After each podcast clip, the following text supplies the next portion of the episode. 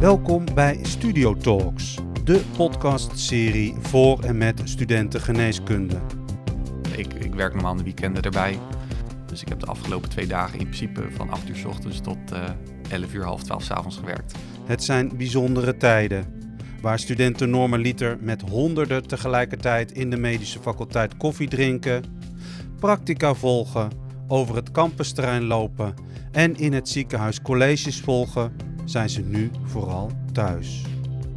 Dus bijvoorbeeld als er een conflict situatie is en iemand is net een beetje opdringerig, dan, dan ben ik daar heel meegaand in. Terwijl ik dan achteraf denk van, hé, hey, uh, dit wil ik helemaal niet. Studieadviseurs Marjolein Pauw en Renate Dekker zien in de praktijk waar zij tegenaan lopen. Ja, het, het gebeurt wel regelmatig dat je inderdaad, nou, zoals, zoals jij het schetste, vooral achter een witte jas aanholt in de hoop uh, jezelf ook nog te kunnen profileren. Uh, maar dat, dat is niet altijd makkelijk. In deze podcastserie gaan zij met studenten en experts in op vragen als: hoe kan ik in tijden van crisis optimaal studeren? Hoe kom ik in contact met studenten? Hoe zorg ik goed voor mezelf en hoe hou ik focus? In deze aflevering spreekt Marjolein Pauw met KNO-arts en auteur van het boek Zelfzorg voor de jonge dokter, Vrouwtje Verdam. Ik denk eigenlijk dat ik jullie als artsen mee zou willen geven dat het meest belangrijke is dat jullie goed voor jezelf zorgen. Want dat is denk ik waar het echt over gaat en wat de zorg verbetert. Ook de gast zijn geneeskundestudenten Kevin Westhoeven en Sven de Bruin. Vrouwtje, goedemorgen. Welkom. Goedemorgen, dank Fijn voor de uitnodiging. Ja, heel graag gedaan. Voordat we het uitgebreid over jouw boek gaan hebben, het boek Zelfzorg voor de jonge dokter, wilde ik even aan je horen. Je bent KNO-arts in het Bovenijs ziekenhuis in Amsterdam. Um, hoe is het nu met jouw werk in coronatijd daar? Ja, eigenlijk heel, uh, heel normaal weer. Je went gelukkig als mens, je adopteert, dan is de nieuwe situatie ineens toch uh, ja, weer normaal geworden. Uh, en tegelijkertijd was het wel een roerig jaar. Ik denk voor iedereen, ook voor mij. Maar ik landde tussen aanhalingstekens in het bovenijziekenhuis in januari vorig jaar. En nou, kleine twee maanden later was het, was het natuurlijk raak. Dus ik heb wel een heel raar eerste jaar daar gehad. Maar inmiddels doen we eigenlijk bijna alles weer wat we altijd deden. Hm. Weliswaar aangepast, maar ja, dus nu voelt het weer normaal. Ja, fijn. Straks verder over jouw boek. Fijn dat je er bent. Kevin, welkom. Ja, dankjewel. Vertel eens, wie ben je en in welk deel van de opleiding zit je? Ik zit nu in het derde jaar van mijn uh, studie, dus ik hoop over uh, twee maanden mijn bachelor uh, binnen te halen. En eh, ik ben nu bezig met mijn laatste twee vakken daarvan. Dan zit ik zo te bedenken, psychisch functioneren is het ja, komende blok. Klopt. Ja, goed. Lig je goed op schema? ja, ja, ik heb al mijn tentamens voor nu gehaald, dus ja, hopelijk sta ik in juli met een diploma in mijn handen. Ik hoop het ook voor je. Ja. Hoe is het voor jou om in coronatijd te studeren? Ja, het is wel heel lastig, maar ik kan me wel goed motiveren met de boodschap dat ik bijna mijn bachelor binnenhaal. Tegelijkertijd zou ik wel denken dat dat weer heel anders zou zijn als ik nu een eerstejaars student zou zijn. Hmm. Dus ik, ja, ik ben in die zin nog blij dat ik het normale studentenleven nog even heb meegemaakt. Dat, dat zeker. Ja, kan ik me heel goed voorstellen. Sven, goedemorgen. Goedemorgen. Jij bent met kooschappen bezig volgens mij. Ja, klopt. Ik zit nu in het uh, vijfde jaar van geneeskunde, dus eigenlijk in het tweede jaar van de masteropleiding. En daar doe ik nu momenteel het kooschap kindergeneeskunde in het OVG West in Amsterdam. Um, en ik hoop, nou ja, volgens de planning een beetje zo in juni, juli 2022 uh, helemaal klaar te zijn met de opleiding. Hoe is het om co-assistent te zijn in deze pandemie? Ja, anders. Ik, ik heb nog een deel uh, van het mastertraject pre-COVID, uh, om maar even zo te zeggen, meegemaakt. Dus ik, je kan ze in dat opzicht wel mooi naast elkaar leggen. Um, wat ik vooral als co-assistent merk, is dat er uh, ja, vooral qua aanbod aan patiënten toch wat, wat minder is. Veel polyklinieken die toch veel of telefonisch consult draaien of videoconsult. Um, dus dat je in dat opzicht van een wat meer actievere rol als co-assistent, waar je veel mogelijkheid hebt om patiënten echt zelfstandig te zien, nu toch wat meer uh, ja, gedwongen bent om vooral mee te kijken met de artsen. Um, tegelijkertijd besef ik me ook wel dat wij als co-assistenten nog steeds best wel een voorrecht hebben in deze COVID-tijd. Als ik dat vergelijk met andere studenten die nou al meer dan een jaar thuis zitten, eigenlijk alleen maar online college volgen, mag ik daar eigenlijk niet over klagen. Ik ga nog steeds elke dag naar mijn werk Ja. in dat opzicht. Dus eh, ja, het ziet er iets anders uit, maar ik denk nog steeds dat ik wel genoeg mogelijkheid heb om dingen te leren en veel dingen te zien. Mooi. En iedere dag de deur uit doet goed, weten we inmiddels na Ja. een jaar en drie maanden. Zeker. Fijn dat jullie er zijn. Mijn naam is Marjolein Pauw.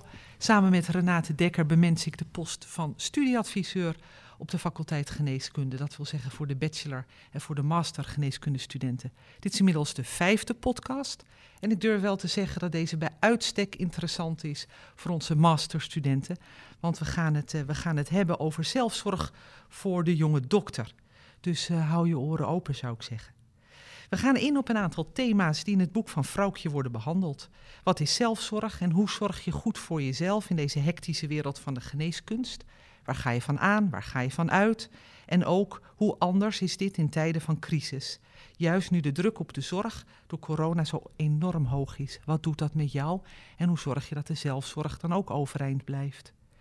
En dan is toch mijn eerste vraag voor jou, vrouwtje, want ik heb jouw boek met ontzettend veel plezier gelezen. En ik was ook onder de indruk van het eerste gedeelte van het boek, en we hebben het er even over gehad.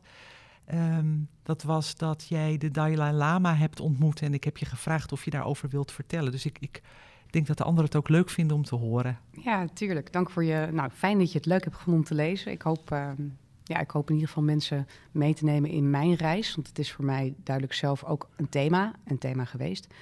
Ehm, dat is denk ik het zaadje eigenlijk wat toen geplant is door die ontmoeting met de Dalai Lama. En dat kwam echt op mijn bord. Dus dat is echt een moment waar ik heel dankbaar voor ben. Want ik had dat helemaal niet zo, ja, dat kan je denk ik ook niet plannen, maar ik had het helemaal niet zo gepland. Maar ik was in India in 2012 om een stukje van mijn proefschrift te presenteren. En dat was op een congres dat ging over overgewicht. En het bleek achteraf dat de man, een van de organisatoren van dat congres, die heeft eh, de galblaas bij de Dalai Lama verwijderd. Dus die had een cholecystectomie gehad. En dat was een deal eigenlijk van, nou, die had gevraagd aan de Dalai Lama van, goh, ik organiseer een congres en het is wereldwijd en, enzovoort. En zou jij misschien willen komen als gastspreker? En daar heeft de Dalai Lama dus toegezegd. En ja, dat cadeau was eh, onder andere voor mij, maar dus eigenlijk voor alle aanwezigen daar. Ehm, dus een dag van tevoren hing er in de gang. nou, We wisten al wel dat er een eregast zou komen. Maar wij dachten natuurlijk allemaal, zoals we toch een beetje nerds in ons wetenschappelijke vak zijn. Van nou, dat is vast een, ik weet het niet, een iemand die heel veel publicaties heeft gehad. Maar niet dus. En een dag van tevoren werd dat aangekondigd. Ook omdat dat natuurlijk met heel veel beveiliging eh, gepaard ging. Maar dat moment zal ik nooit vergeten. Dus die zaal, dus een gigantische zaal was dat. Vol met stoelen. En op een gegeven moment voelde je een beetje een soort van die aankondiging van hij komt zo. En toen ging die deur open en toen kwam hij binnen in dat oranje gewaad. En je voelt dan echt een energiegolf door die zaal stromen. Een beetje een combinatie van ontzag en nederigheid en ehm, ja, ik zou bijna willen zeggen eerbied. En de Dalai Lama is dus heel, komt in ieder geval heel ontspannen over en heeft heel veel humor. Dus die, die draagt dan echt zo'n zo'n setting. En toen is hij op het podium gaan zitten en uitgebreid geïnterviewd. En toen vroeg hij van, goh, als jullie nog vragen hebben voor mij, schrijft hij dan even op, we verzamelen die vragen en dan ga ik straks op een paar van die vragen in.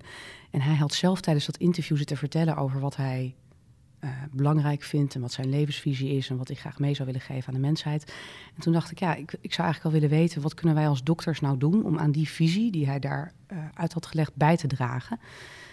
En die vraag werd uitgekozen en toen zei hij van, eh, dus ja, dan mag je opstaan en nou ja, de vraag een beetje toelichten. En toen zei hij van, nou, ik denk eigenlijk dat ik jullie als artsen mee zou willen geven dat het meest belangrijke is dat jullie goed voor jezelf zorgen. Zo goed als je eigenlijk ook voor je patiënt zou willen zorgen. Want dat is denk ik waar het echt over gaat en wat de zorg verbetert. Wow. Ja, die landen wel. En toen Ja. dacht ik, en ja, 2012, dus toen was ik, eh, nou denk ik, 32. En ik dacht, jeetje.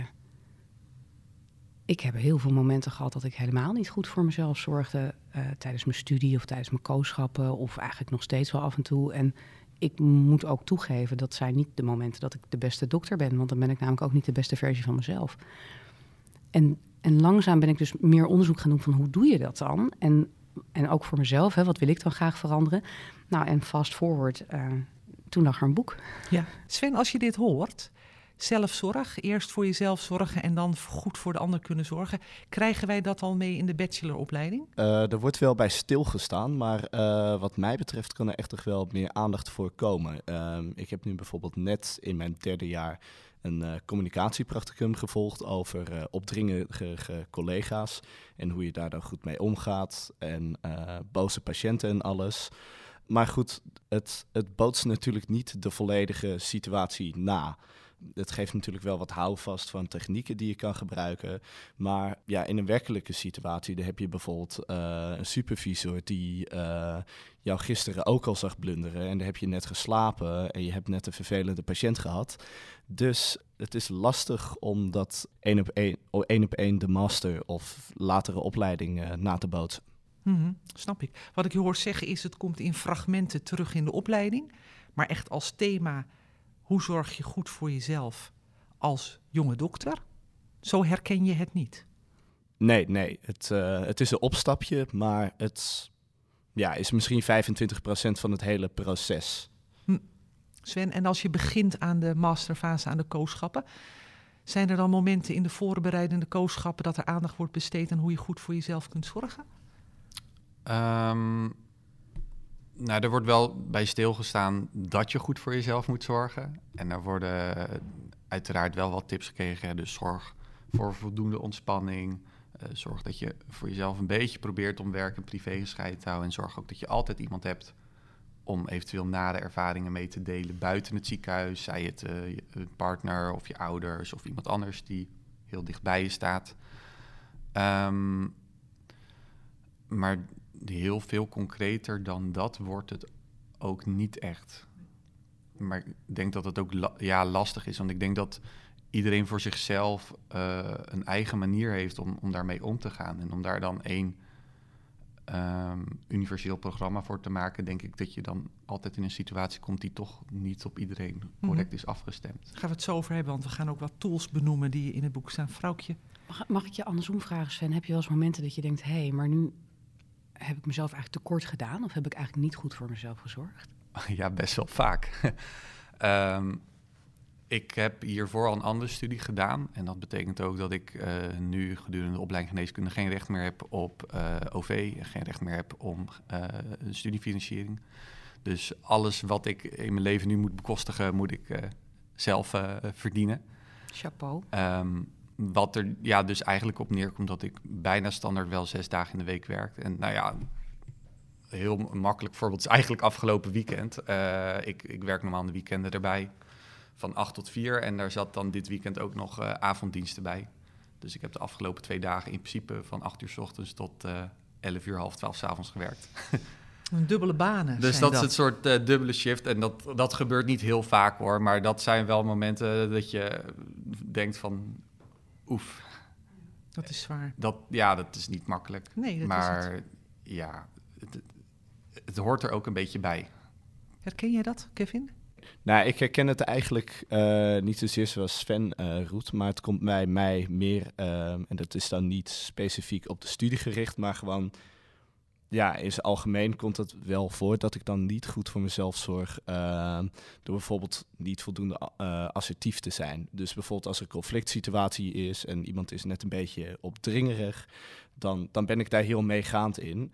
Terwijl ik dan achteraf denk van, hé, hey, één, uh, dit wil ik helemaal niet. En twee, ik had dit en dit kunnen zeggen, waardoor het heel anders verloopt. Zou hier, verlopen. Hier. Ja, dat heb ik nog steeds hoor. Dus ja, ja. hier, hier. Ja. Ik zat ook te denken, want dit boek dat heet Zelfzorg voor de jonge dokter. Je zal toch niet snel in de schappen van een boekwinkel zelfzorg voor de jonge buschauffeur of zelfzorg voor de, de jonge winkelmanager. Lopen we het op in de zorg? En ik durf het te zeggen omdat ik van origine verpleegkundige ben. Maar lopen we het op? Is het profiel van de jonge dokter er een van iemand die zichzelf snel wegcijfert? Nou, ja, dat, dat is, als je dat zegt, voelt dat voor mij een beetje heftig. Ik denk dat het uh, voor mijzelf in ieder geval beslaat het meerdere dingen. Ik denk dat je als mens al zo in elkaar zit dat je het graag goed wil doen en dat je voor patiënten wil zorgen als je dit vak kiest. En dat maakt eigenlijk niet uit of je dan dokter of verpleegkundige, maar in ieder geval in de zorg gaat werken, heeft toch te maken met dat je aandacht hebt voor de ander. En dan word je geconfronteerd met situaties waarin je bijvoorbeeld verwacht wordt om heel dienstbaar te zijn, bijvoorbeeld met een supervisor, of je wordt verwacht om aandacht te hebben voor een patiënt die een min of meer acuut probleem heeft, maar in ieder geval een groter probleem heeft dan jijzelf. Want jij bent degene die faciliteert, bijvoorbeeld op de eerste hulp omdat je moet hechten, of ik weet het niet, omdat een kind een zondagsarmpje heeft.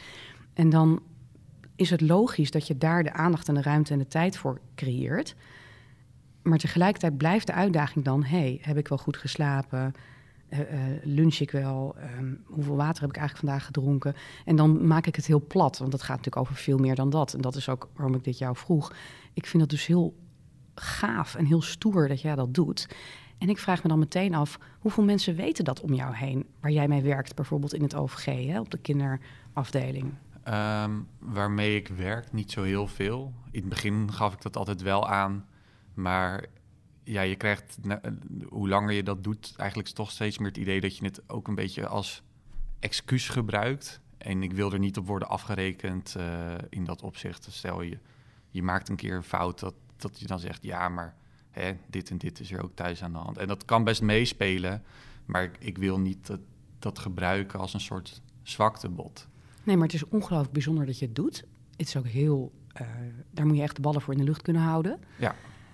En tegelijkertijd hoor ik je ook zeggen, ja, het hoort er een beetje bij. Ja, voor jou. Ja, maar voor heel veel mensen natuurlijk niet. En dat is waarom ik het noem, is niet om jou... Uh, ik, vind, ik vind het dus heel knap van je juist. Het is echt een compliment. En tegelijkertijd is dit dus wat ik bedoel met de cultuur van, van waar wij in leven. Is dat wij dan tegen elkaar zeggen, en dat houden we ook allemaal heel erg in stand, hè, van... Uh, maar we, het gaat wel goed met ons en het hoort erbij. En um, wij vinden het allemaal volstrekt normaal. Hè? Dat hoor, las je ook in het onderzoek van de jonge dokter terug. Dat we bijna gemiddeld een dag per week overwerken. Nou, ik moet nog een buschauffeur tegenkomen die dat normaal vindt. Ik wilde daar net op terugkomen. Want het klopt dat je zegt. Uh, de jonge dokter heeft een onderzoek gedaan. En die vertelt daar in dat onderzoek dat er gemiddeld negen uren per week overgewerkt worden ik kijk naar Kevin. Als je dit dan hoort, denk je dan: wow, ik ga met heel veel plezier die master in? Of denk je dan: ik moet echt geen tweede baan zoals Sven, want dan ben ik helemaal zuur?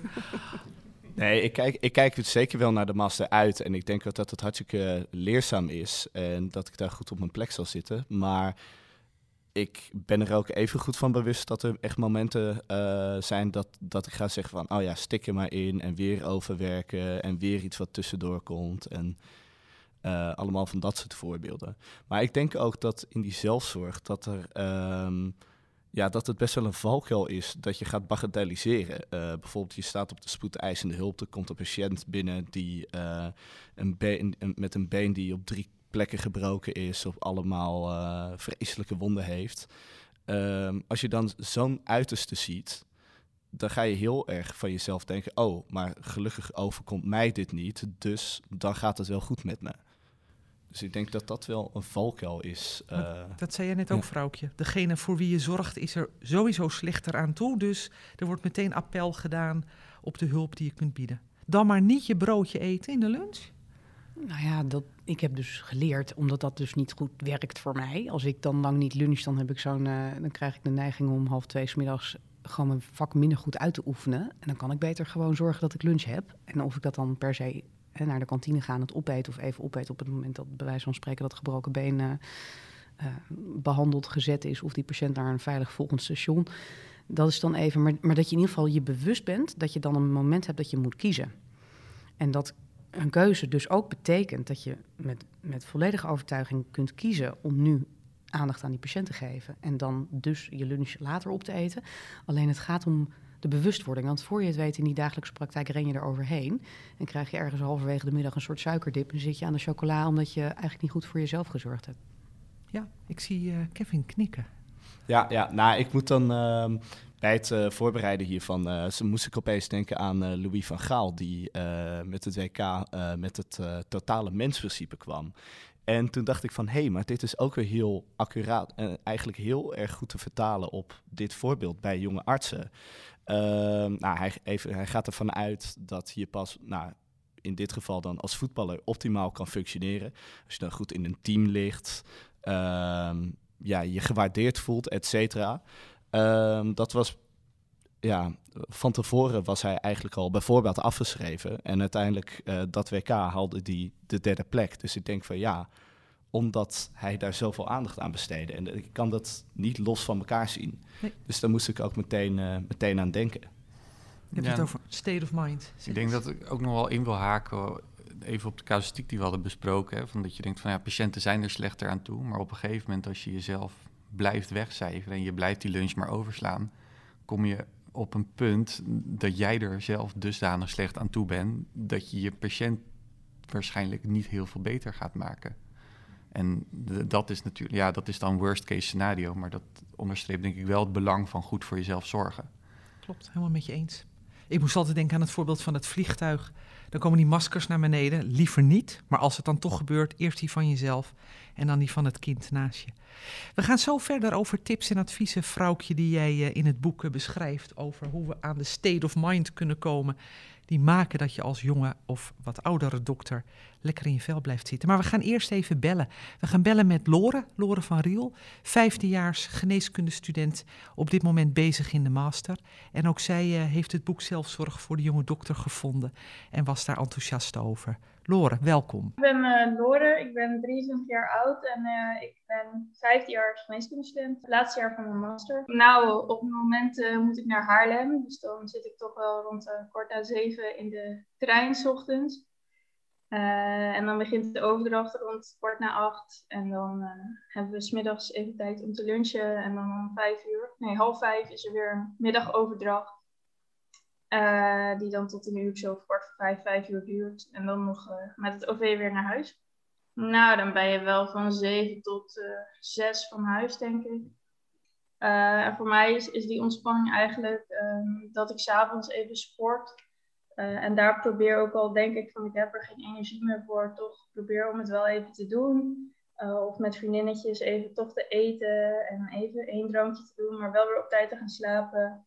Eh, of toch even een boekje lezen en even helemaal alleen zijn en even tot rust komen. Van een vrouwtje inderdaad, eh, die had ik gekocht omdat ik dacht toch uh, merk dat het me bezighoudt. En dacht, nou dat is wel interessant, het klinkt, klinkt als een interessant boek waar ik wel mogelijk wat aan heb. En toen ik hem eigenlijk opensloeg en de inleiding las en toen begon zij over een, een, een, gesprek met de Dalai Lama wat zij aanhaalde. waarin zij een vraag had gesteld op een congres waar, waar hij haar vraag beantwoordde. En eigenlijk zei van je zou uh, voor jezelf moeten zorgen zoals je voor alle patiënten wil zorgen. Uh, en dat is eigenlijk wel iets um, ja, wat, wat ik sindsdien heel erg in mijn achterhoofd houd. Omdat je um, als je zelf helemaal er aan onderdoor gaat, ook niet de volledige zorg aan je patiënten kan geven. En, en dat toch echt ook heel belangrijk is om te blijven functioneren. En niet alleen voor jezelf, maar dus ook voor je werk hoe de cultuur nu is, dat je heel ver kan gaan. En sommigen dat langer volhouden dan anderen. Uh, maar het toch op een gegeven moment opbreekt. En, en dat uh, zonde is. Je toch moet proberen om jezelf in acht te nemen. En ook voor jezelf gewoon uh, op te letten. Een ontspanmomentje in te bouwen. En af en toe gewoon nee te kunnen zeggen. Um, waardoor je ook weer met plezier en energie aan de volgende dag kan beginnen. Lore, dank je wel voor je tijd om met ons over de telefoon te vertellen hoe het met je is. Zelfzorg voor de jonge dokter, vrouwtje. In je boek staat vol met tips en adviezen gericht op zelfzorg. En ja, je hebt een definitie waarin je zegt: zelfzorg is eigenlijk dat je je emoties herkent en erkent. En over gedrag vertonen wat goed is voor jezelf en je omgeving, zodat je op een fijne manier je werk kunt doen en kunt samenwerken. Volgens mij, als ik de studenten hoor, is dat bij uitstek nou precies het spanningsveld waar een jonge dokter tegenaan loopt. Herken je dat? Ja, zeker. Ja, dat kan je beter aan een jonge dokter vragen, maar ik herken het wel. En ik herken het ook nog steeds. Ik denk dat dat een, uh, een blijvend iets is, omdat uh, er zijn mensen die een beetje allergisch reageren op het woord zelfzorg. En dat zegt ook heel veel over onze cultuur, denk ik. Wat belangrijk is voor jezelf, als mens, maar zeker als dokter, is dat je dat spanningsveld tussen patiënten die graag iets van je willen, jijzelf die op een bepaalde manier hoopt je dag in te richten, de momenten waarin je als jonge dokter in een lerende setting bent, dus eigenlijk per definitie iets nog niet kan wat een ander wel kan die bij jou in de buurt loopt. Dus er zit altijd een, een vorm waarin je um, nog niet helemaal kundig voelt of nog niet helemaal ingelezen of nog niet helemaal bekwaam. En dat is best een onzeker hè, er wordt getouwtrokken, dat wil ik eigenlijk zeggen. En dan in die setting wil je graag bijdragen, jezelf presenteren, soms zelfs een baan daaraan overhouden of in ieder geval een goede indruk maken, de patiënt goed behandelen. En oh ja, ook eigenlijk wel zelf overeind blijven en aan het einde van de dag niet met je tong uit je mond het ziekenhuis verlaten. En dat is gewoon, uh, dat is een uitdaging, denk Mhm. ik. En, en dan als een soort handleiding of werkboekje, want ik heb het echt geschreven in de hoop dat mensen voor zichzelf, dat werd net ook heel duidelijk gezegd, van voor iedereen is dit wat anders. Dus de een eh, heeft een goede dag als hij ochtends begonnen is met een half uurtje hardlopen. En de ander heeft een goede dag als hij s'avonds een half uur in bad gelegen heeft, bij wijze van spreken. Maar dit is echt voor iedereen anders. Maar het gaat om dat moment pakken van reflectie van... hé, hey, hoe was mijn dag? Wat vind ik ervan? Inderdaad, als dit gebeurd is met die supervisor... en die toch een beetje over je heen gelopen heeft... of je hebt het gevoel, ik had eigenlijk net wat anders willen reageren... hoe kan je dan zorgen dat je dat een volgende keer wel doet... en je daar helemaal senang bij voelt? En dat is echt jezelf ehm, Serieus nemen. serieus nemen en groeien. Ja. Dat snap ik. Kijk dan even naar Sven en naar Kevin. Want dan, dan hoor ik dit en dan denk ik, zo zou ik iedere dag naar mijn werk willen gaan. En dan kom je heel vroeg in het ziekenhuis. Je moet reizen voor een kooschap. Je hebt een tweede baan, zoals, zoals Sven of Kevin. Ik weet dat jij daar ook naast werkt, naast de bacheloropleiding. En dan heb je een opleider waarvan je weet, oh, maar die gaat straks iets zeggen in de opleidingscommissie van een plek waar ik heel graag ehm AJOS, dat is assistent in opleiding tot specialist zou willen worden. Ken je dat, Sven, dat je met een goed voornemen voor de dag binnenstapt en jezelf een half uur later hollend achter een witte jas van iemand anders aan ziet rennen? Ja, nou ja, in principe ga je elke dag met goede, eh, goede voornemens naar je werk. Tenminste, ik probeer het wel te doen.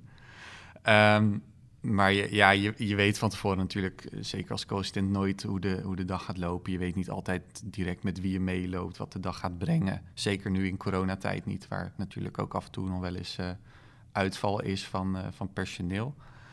Ehm, ja, het, het gebeurt wel regelmatig dat je inderdaad, nou, zoals, zoals jij het schetste, vooral achter een witte jas aanholt in de hoop eh, jezelf ook nog te kunnen profileren. Uh, maar dat, dat is niet altijd makkelijk. Nee. Snap ik. Kevin, herken je dit? Uh, nou, ik op, um, over het uh, achter witte jassen aanhollen. Ik denk dat er vanuit uh, carrière-oogpunt ook wel veel druk achter zit.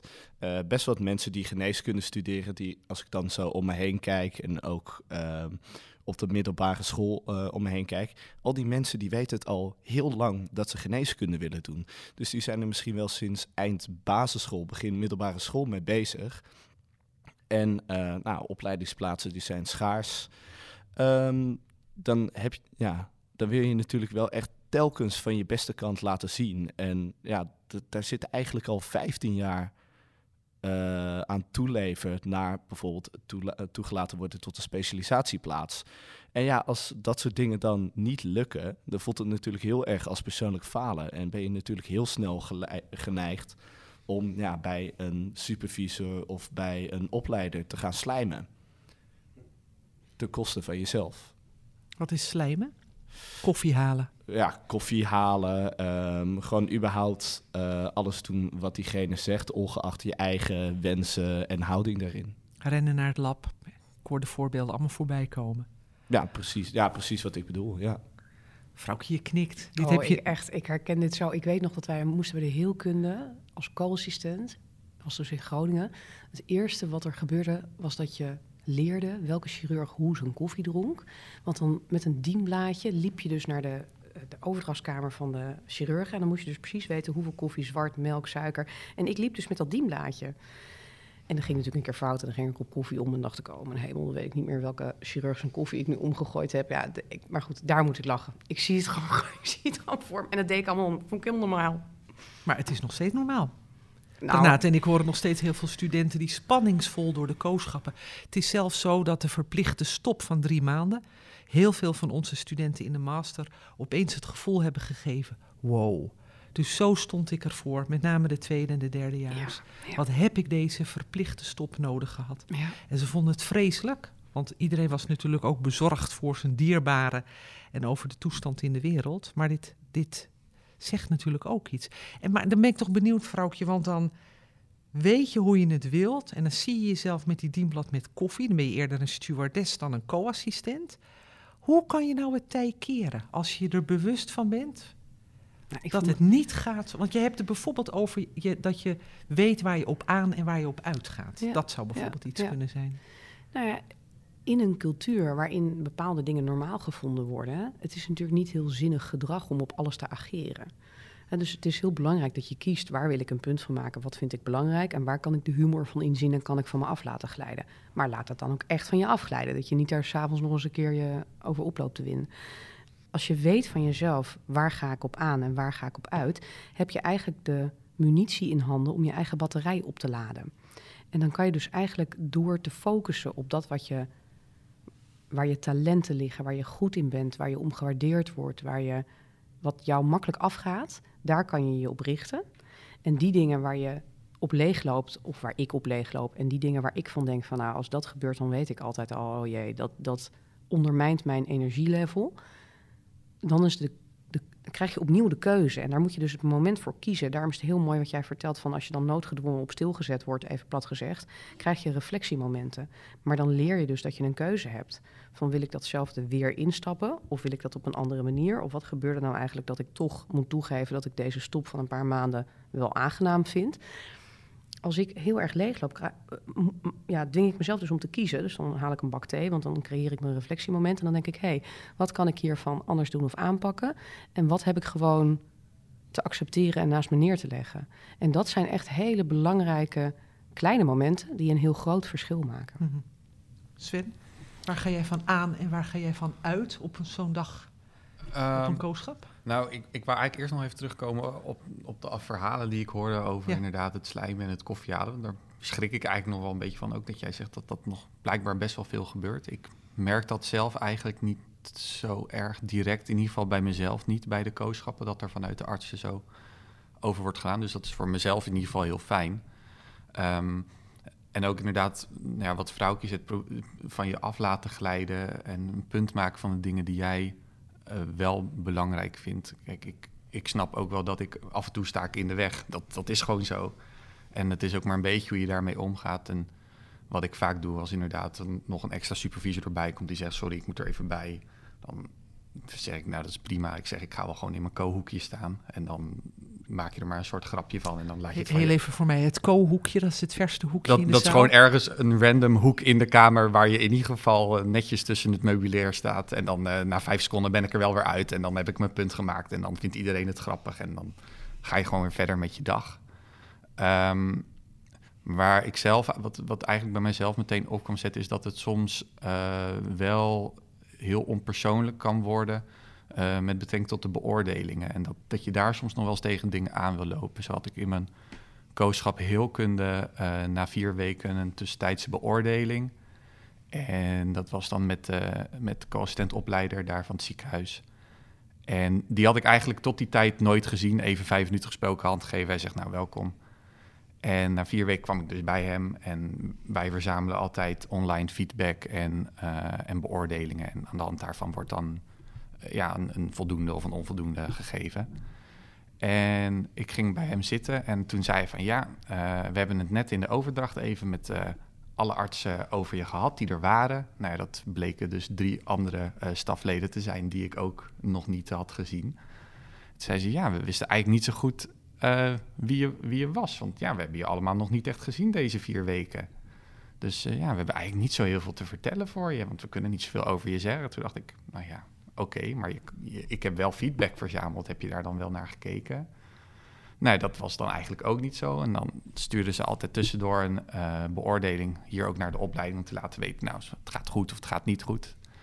En daar staan dan altijd sterke punten en verbeterpunten. En toen eh, zei hij van, ja, nou, ik, eh, omdat ik niet zoveel te vertellen heb, sterke punten, ja, die heb ik eigenlijk niet. Dus ik schrijf op geen. En dan eh, heb je nu de komende weken de kans om wat te laten zien. En toen En- dacht jij, Nou, toen was ik even verbaasd wat me zojuist was overkomen. En toen wist ik echt even een momentje niet wat ik moest zeggen. En toen heb ik eigenlijk geheel tegen mijn eigen principes in daar een beetje leidzaam naast gezeten en het maar aangehoord. En toen stond ik buiten, toen dacht ik wel, ja, wat, is hier, wat is hier in godsnaam net gebeurd? En toen merkte ik eigenlijk pas bij mezelf wat dat in mij losmaakte. Dat ik daar echt nou, gewoon best wel pissig om was. Omdat je gedurende je kooschap natuurlijk je best doet om feedback te verzamelen, jezelf te profileren. En je dan dus blijkbaar afhankelijk vast van welke stafleden er op dat moment in de visite zitten. Wat had je wel willen doen als je er achteraf naar kijkt? Um, eigenlijk had ik op dat moment moeten zeggen: uh, ik heb ook feedback verzameld. Misschien dat u daarnaar kunt kijken en daar ziet u sterke punten en verbeterpunten. En dan kunnen we het daarover hebben. Uh, nou ja, dat deed ik dus niet. Um, en daar ben ik ook best wel boos op mezelf om geworden. Want ik, zo zit ik zelf niet in elkaar. En uiteindelijk ben ik toen nog naar de uh, begeleider van de AIOS geweest. En AIOS heb ik wel gezegd van... joh, dit en dit is net gebeurd. En toen heb ik het allemaal toegelaten. Maar ik voel me er nu eigenlijk niet zo heel relaxed bij. Dus ik zou eigenlijk met jou ook nog even er wel over zitten. En even kijken hoe we dit in het vervolg ook voor andere mensen misschien wat beter kunnen doen. Heel goed. Kevin, herken je hier iets van? Ik, uh, ik herken het niet, maar ik, uh, ik begrijp volkomen hoe je dan ja, zo in de steek gelaten moet voelen. Als je dan vier weken lang je stinkende best doet. Um, ja, in principe gewoon ja, jezelf echt van je beste kant laat zien. Uh, erin staat van, oh, ik heb hier iets te leren en ik wil mezelf goed laten zien. En dan lijkt de hele beoordeling af te hangen van, gewoon van de planning van uh, een paar stafleden. Waar je verder geen invloed op hebt, waar je ja. verder niks van af weet, wat ook maar zo op je bordje komt van, oh ja, ja, sorry, we kunnen eigenlijk niks voor je doen. Ja, en je merkt ook dat dat heel demotiverend werkt. Van dat je denkt van ja, ik uh, doe elke dag mijn stinkende best. En als dit dan is waar je op beoordeeld wordt, wat, wat, waar doe ik dan de moeite voor? Ja, absoluut. En het, het, het doet me denken, vrouwtje, jij spreekt ook in het boek, in het boek Zelfzorg spreek je ook over um, de cirkel van invloed en betrokkenheid. Ja. Wil, ja. wil, je ons uitleggen wat je daarmee bedoelt? Ja, zeker. Nog, nog heel even ja. aanhakend op jouw verhaal, ik, ik, nou, ik, ik zit hier helemaal zeg maar, met allerlei emoties, maar deels denk ik het co-hoekje. Ik vind het dus ontzettend grappig hoe je dat oplost. Maar dat het op die manier opgelost moet worden, is natuurlijk om te huilen. En toen dacht ik, hé, hey, hoe zit dat bij mij? Ik heb zeker ook af en toe collega's, laten we letterlijk zeggen, in de hoek uh, zien zitten in mijn spreekkamer. Omdat er gewoon geen ruimte was. En ik 70 patiënten op een dag zie en dan niet weet hoe ik tussendoor nog uh, toelichting of uitleg of uh, begeleiding moet bieden. Dus op een gegeven moment wat ik dan deed, is dat ik dus bewust wel het koffiemoment creëerde. En daar is ook zeker een gelegenheid geweest dat, daar, dat, hè, dat de, mijn aanstaande collega of de co-assistent de koffie gehaald heeft. Maar dan even samen gaan zitten daarna. Hè. Dus dan doe je het weer in je vrije tijd ja. van beide partijen. Um, en dan weet je in ieder geval dat er een een over en weer contactmoment en communicatie en leermoment is geweest. En wat ik zo verdrietig vind, die supervisor schiet natuurlijk enorm tekort als hij jou na vier weken niet eens fatsoenlijk kan beoordelen. Het zegt ook iets over het systeem, want er is dus geen ruimte en geen moment gecreëerd om van tevoren op een gezonde manier die formulieren die jij verzameld hebt door te nemen. Dus daar wordt ergens in de basis niet voldoende tijd voor gepland of niet voldoende tijd voor ge genomen. Maar daar zit natuurlijk een, en dat is weer een cultuurprobleem. Want dat gaat echt weer over hoeveel waarde hecht je aan het begeleiden van co collega's of aanstaande collega's. En vergis je niet, je wordt toch ook altijd met de blik bekeken van... Hè, ben jij iemand die we in de toekomst graag zouden willen hebben? Dat gebeurt toch. Ja. En ja, dat is dus... Um, daar, dat is iets waar jij je gefocust hebt op jouw cirkel van invloed. Want dat is eigenlijk wat jij me vroeg, Marjolein, is dat als jij merkt bij jezelf, shit, dit gesprek liep echt niet zoals ik het hebben wil, dan ligt het in jouw mogelijkheden om daar iets mee te doen. En dat heb je ook gedaan. Dus je bent daar, hè, je bent daar het gesprek over aangegaan. En ik vraag mij af, hè, stel je bent even die, um, die opleider chirurgie, die kan niet gedacht hebben, wat heb ik die nou briljant aangepakt. Dat kan niet het basisgevoel geweest zijn. Ik hoop het niet voor nee. hem. Dus, dus die heeft een gesprek met jou, maar daarin wordt bewust of onbewust ook een beetje getoetst, beter mee eens. En vervolgens dat wat je niet kan doen op dat moment, namelijk hem even tegenspreken en zeggen van nou wacht even hoor, ik heb feedback verzameld, wil ik je graag even mee doorheen nemen, want dit is wat ik beleefd heb de afgelopen vier weken, dat zal je een volgende keer meteen doen. En nu heb je dat alsnog, en dat is dus jouw invloed, met een ander besproken en weer erop terugkomen. En dat is echt leiderschap tonen. Ja. Mag ik jou nog even vragen, Sven? Uh, hoe ben je er daarna mee omgegaan? Hoe ging jij elke dag naar je kooschap heelkunde? Want um, ik kan me dus wel voorstellen dat, het, dat je motivatie dan een enorme, tenminste bij mij een enorme deuk oploopt van... oh, ik doe wel mijn best, maar vervolgens, ja, voor wat eigenlijk? Ja, Hoe ben je daarmee omgegaan die weken daarna? Hoe ging jij elke Nou, ochtend naar kooschap? ik heb er eigenlijk juist ontzettend veel motivatie uitgehaald, omdat voor mij de heelkunde ook heel erg mijn interesse had. En toen kwam die klap initieel natuurlijk extra hard aan, want het was iets waar je, je hoopte juist je te laten zien. Ehm, en ik ben toen eigenlijk gewoon gezegd van, nou, als jij me niet gezien hebt, dan ga ik zorgen dat je me gezien hebt. En eh, toen heb ik ook expres nou ja, gekeken, nou, wanneer heeft hij OK-programma? Dan loop ik mee en dan gaan we... Wanneer heeft hij poli? Nou, dan doe ik zijn poli. En dat ja, ergens is dat natuurlijk je, je aanpassen aan de ander. Eh, in principe heb jij zelf niks verkeerd gedaan, maar je probeert het toch voor jezelf als het ware goed te maken eh, door dit soort dingen te doen.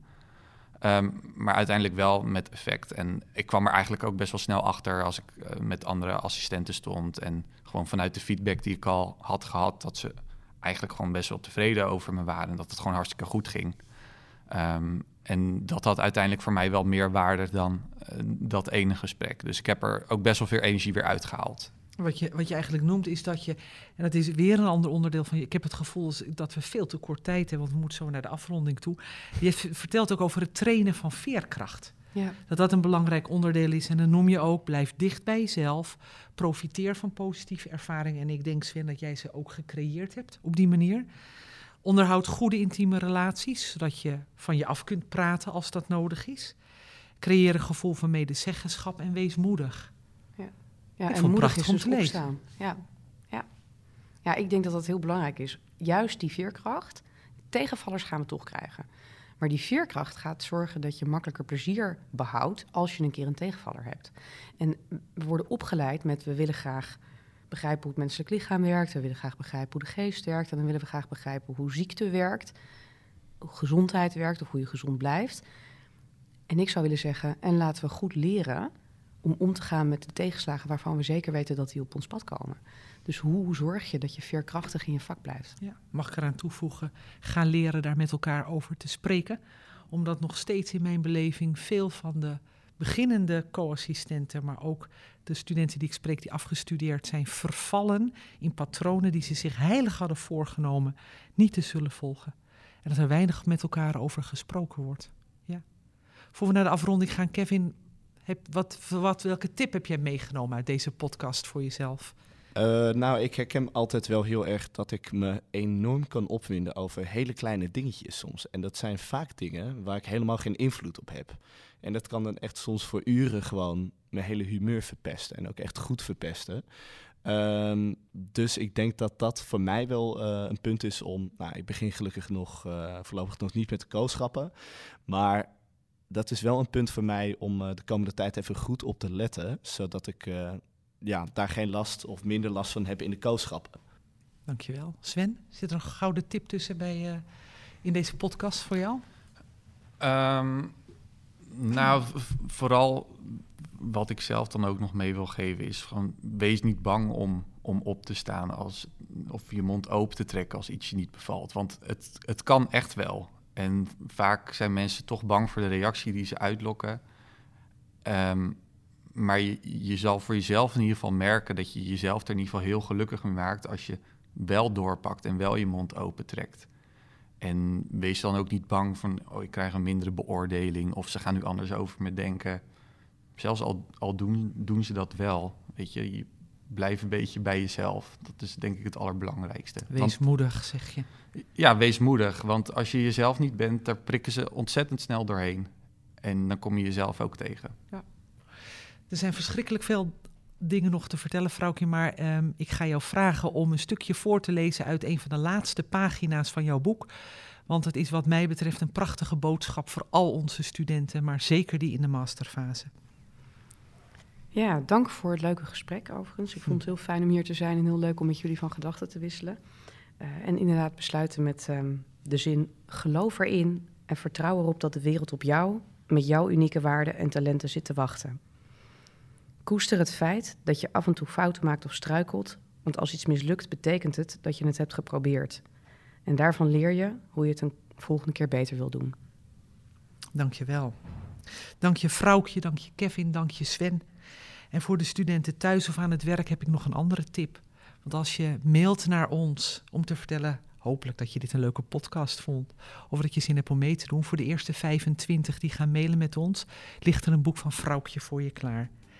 Ik wil jullie allemaal ontzettend bedanken voor het meedoen aan deze podcast. Graag gedaan. Graag gedaan. Ja, geen dank. En uh, wellicht tot de volgende keer. Dit was Studio Talks, gepresenteerd door Marjolein Pauw. De podcastserie voor en met studenten geneeskunde.